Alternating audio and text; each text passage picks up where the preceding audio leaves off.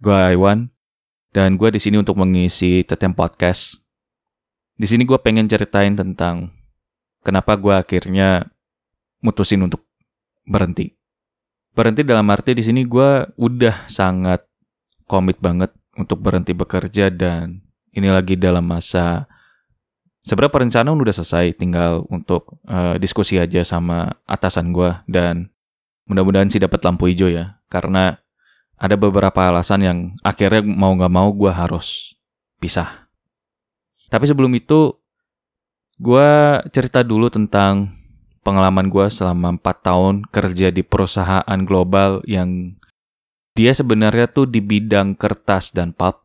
Tapi gue ditempatin di energi karena emang kebetulan di sini untuk pembangkitnya sendiri sih uh, dia bikin sendiri ya. Jadi bukan dari PLN atau apa PLN itu biasanya sih untuk yang pemukiman kalau di daerah gue jadi kalau misalkan untuk yang kayak uh, plant atau yang untuk ngidupin motor karena kan motor lumayan gede juga ya sekitaran 300 ribu watt itu banyak banget 300 kilowatt. Dan ya uh, gue jadinya sih sangat-sangat sangat apa ya tergagum lah dengan dengan pabrik ini.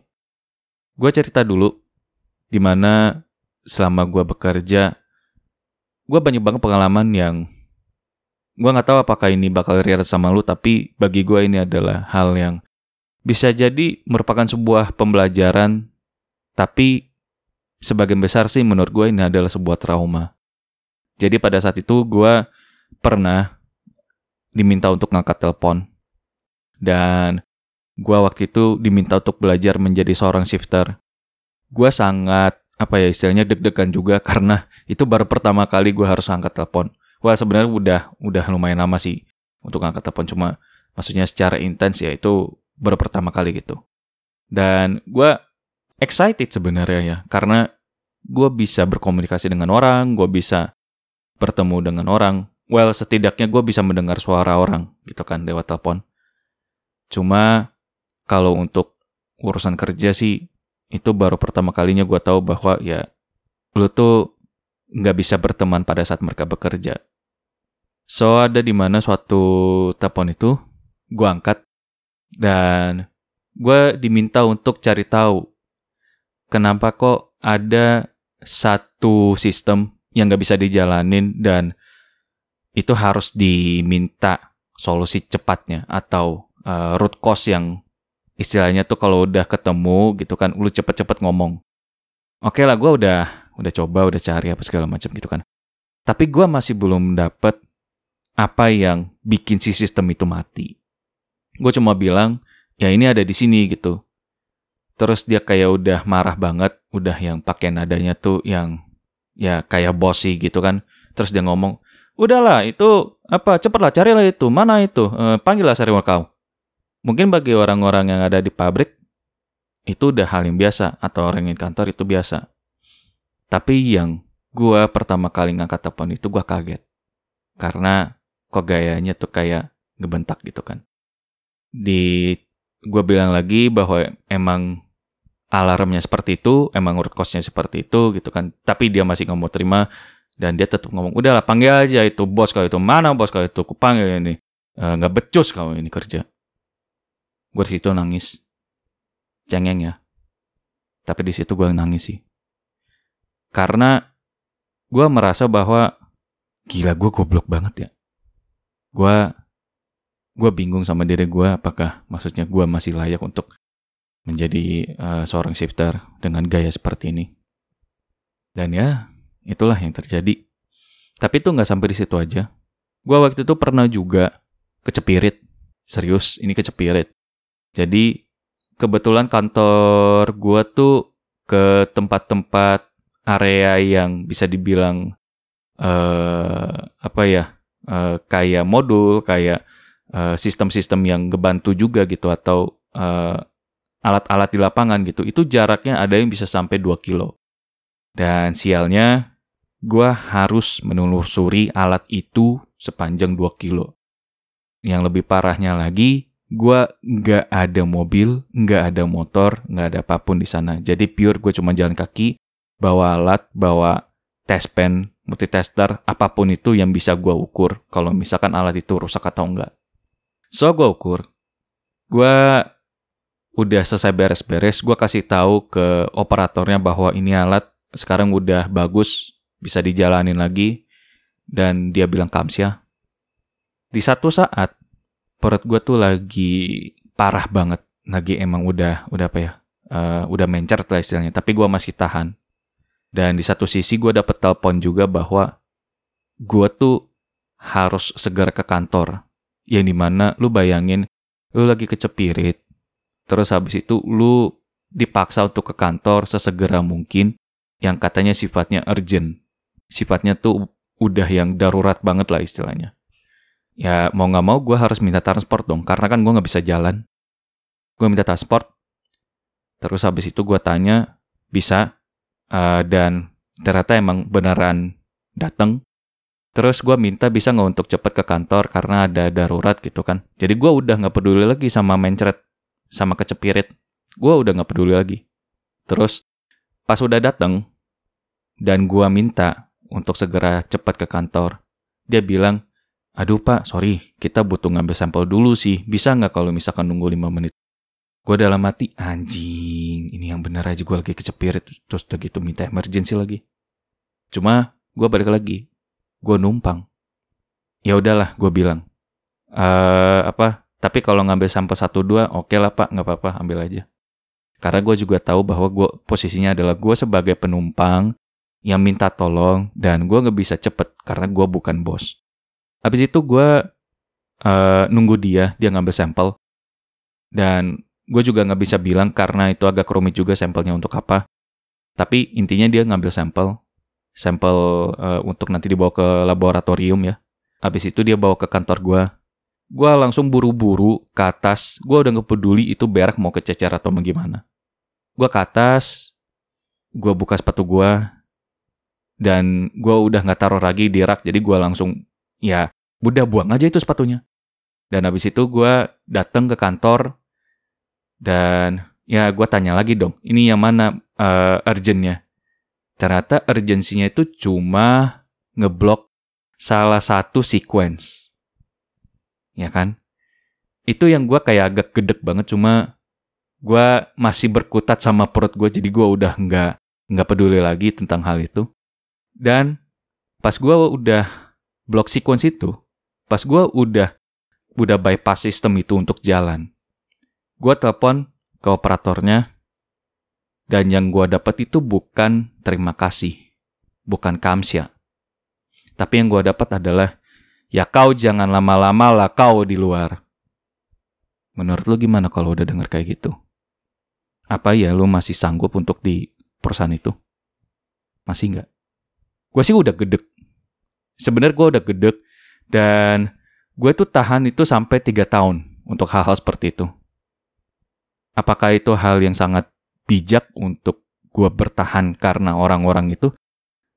Ya, gimana ya? Gue gue males sebenarnya kalau misalkan untuk dijawab hal hal seperti itu gitu kan. Cuma balik lagi, gue di perusahaan itu ya untuk cari duit sebanyak-banyaknya biar nanti gue bisa berkarya. Dan gue mau nggak mau memang harus menafkahi diri gue dan juga ngebantu orang tua gue, dan juga ngembangin diri gue untuk bisa berkarya seperti ini. Gue tuh udah males sebenarnya kantor. Udah males. Jadi dari dua contoh aja lu udah tahu kan gimana gue tuh sampai ya elah gue gue udah gak habis pikir sih. Kalaupun misalkan gue melakukan kesalahan dan gue menyadari hal itu dan juga ternyata itu emang udah ada buktinya meskipun lu gak sadar ya pastinya gue terima. Pastinya gue nggak bisa ngebangkang kalau misalkan ya lu kalau ada data begini gimana ceritanya lu bisa ngasih ke atasan. Data lu tuh masih belum valid. Itu gue masih nggak masalah. Ini ada beberapa kejadian yang gue nggak bisa antisipasi terus habis itu dibilang ya kau jangan lama-lama lah kalau ngurusin hal itu. Kan bangsat kalau kata gue. Anjing gak tuh? Gedek gue. Jujur yang hal yang kayak gini yang sebenarnya kalau di pekerjaan ya, gue udah males. Dan yang apa ya, yang gue tuh pengen cari bantu, justru malah dapetnya ya lu jangan baper. Men, gak bisa semua orang kalau misalkan ngomong gitu ya, lu tuh jangan baper kalau misalkan pas kerja, nggak bisa. Kalau dibilang gue baperan, ya gue memang baperan, tapi gue masih tahu titik atau tempat atau area di mana gue masih bisa menaruh sopan dan menaruh hormat. Bahkan menaruh santun pun gue juga tahu. Tapi ketika gue minta kesantunan itu, yang ada malah dibilangnya tuh gue ngebelot lah. Gue gebangkang lah. Gue gak bisa ini, gak bisa itu lah. Gimana anjing? Semua orang tuh, gue gue bingung dengan dengan sistem lo. Bingung. Dan di situlah akhirnya setelah gue pikir-pikir selama empat tahunan, bukan empat tahun sih, ya sekitaran dua tahun lah gue pikir-pikir. Karena gue melihat kayaknya gue nggak bisa lama lagi di sini dan betul aja. Akhirnya gue memutuskan untuk cabut. Kenapa? Karena gue udah melihat ini tuh udah fakta banget, ini tuh udah malas banget. Udah, aduh, udah deh.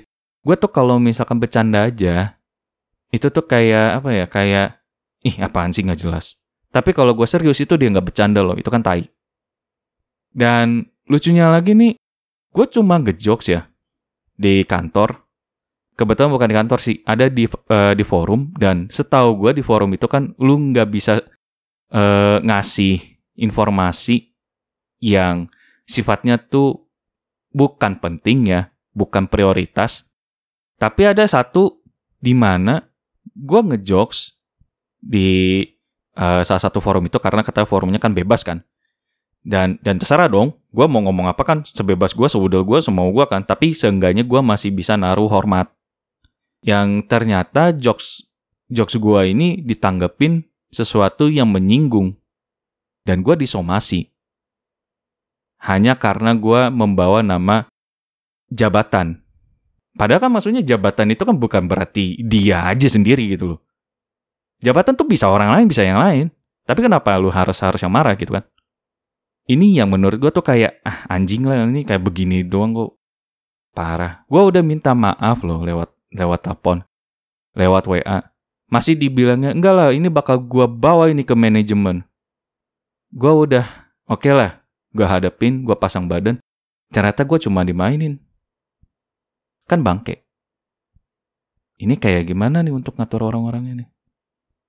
Jadi, gue udah melihat dan meluruskan pikiran gue bahwa oke, okay, gue cabut di tanggal segini. Because what? Because I'm fucked up with this shitty company. Gue nggak bilang bahwa perusahaan jelek, nggak. Sayangnya ada orang-orang yang di mana gue udah malas banget untuk ketemu. Bahkan kalau misalkan nih bang, ini ada baju ya nggak, gue mau ngambil. Kenapa? Karena udah ngemainin gue. Ngapain gue harus ngasih makanan anjing yang yang emang udah brengsek gitu loh. Gue sih gak mau. Jadi buat uh, teman-teman yang ngomong bahwa quitting itu adalah sesuatu yang jelek karena cuma masalah hal-hal yang lu nggak bisa apa ya eh, nggak uh, bisa tahan ya that's bullshit kalau lu nggak tahan udah keluar aja gue sebagai orang yang istilahnya udah merencanakan dan gue menyadari bahwa ini bukan tempat gue. Gue cuma berada di sini biar gue bisa ngais duit yang banyak dan gue bisa berkarya. Ya memang harus seperti itu. Dan gue juga nggak nutup nutup diri kok kalau misalkan gue munafik, ya gue memang munafik. Karena gue harus menjaga image gue. Tapi ketika gue mendapatkan sesuatu yang ternyata nggak sesuai sama diri gue, atau nggak sesuai sama ekspektasi gue, ya gue melawan. Tapi kalau nggak nggak terbantu sama ekosistem di sini atau sama lingkungan di sini, ya mendingan gue cabut. Gue nggak mau. Empat setengah tahun tuh bukan waktu yang sebentar. Gue udah ngelewatin banyak banget hal-hal yang menurut gue tuh fakta. Baik dari kesalahan diri gue sendiri maupun yang orang lain tuh apa ya kayak gue ambil contoh nggak mau ngaku kesalahan kalau misalkan dia minta bypass gitu kan. Jadi kayak pura-pura bohong bukan pura-pura bohong sih. Emang bohong, maksudnya pura-pura nggak tahu aja gitu loh, kan tai. Lu ngomong katanya integritas-integritas tapi yang kayak hal begitu aja lu nggak mau. Alasan apa? Keluarga. Lu keluarga masih bisa cari makan lain kok. Ya lu mau jadi tukang ojek ya mau jadi apa kayak bisa kok. Bokap gue juga pernah kok di apa pecat dari pabrik dan dia masih bisa hidup kok. Dari mengajar. Lu kenapa nggak kayak gitu? Bagi gue sih bullshit aja sih kalau misalkan udah deh lu jangan keluar, lu kan masih berpotensi di sini. Nggak kalau lu udah nggak nyaman, udah keluar aja. Ngapain lu masuk-masuk gitu? Ngapain lu betah-betah di situ?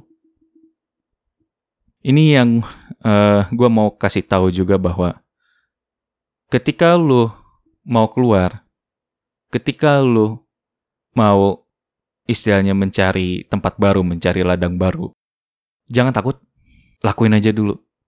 Karena menurut gue sih, ketika lu diberi kesempatan untuk berkarya, lu ambil aja udah. Ngapain lu harus terkurung di dalam sebuah lingkungan atau ekosistem yang udah fakta banget. Dan gue berharap untuk teman-teman yang ada di sini juga selalu melakukan konsiderasi juga ya untuk untuk berpikir untuk bahwa masa depan gue nanti kayak gimana ya? Apakah gue pasti bakal di sini terus dan gue bakal mencari sebuah istilahnya uh, kenyamanan dan kenikmatan yang bisa gue dapetin. Kalau enggak, gue saranin udah lu cabut aja. Tapi jangan lu langsung cabut. Dalam artian ya lu timbangin dulu, lu lihat apakah di sini masih ada temen yang lu bisa bantu apa enggak. Kalau udah lebih banyak yang nggak bisa bantu dibandingin yang nggak bantu, udah lu cabut aja. Oke? Sebagai penutup, bahagia sendiri buat apa? Resah sendiri itu nggak nyaman. Oke? See you for the next audio in TM Podcast.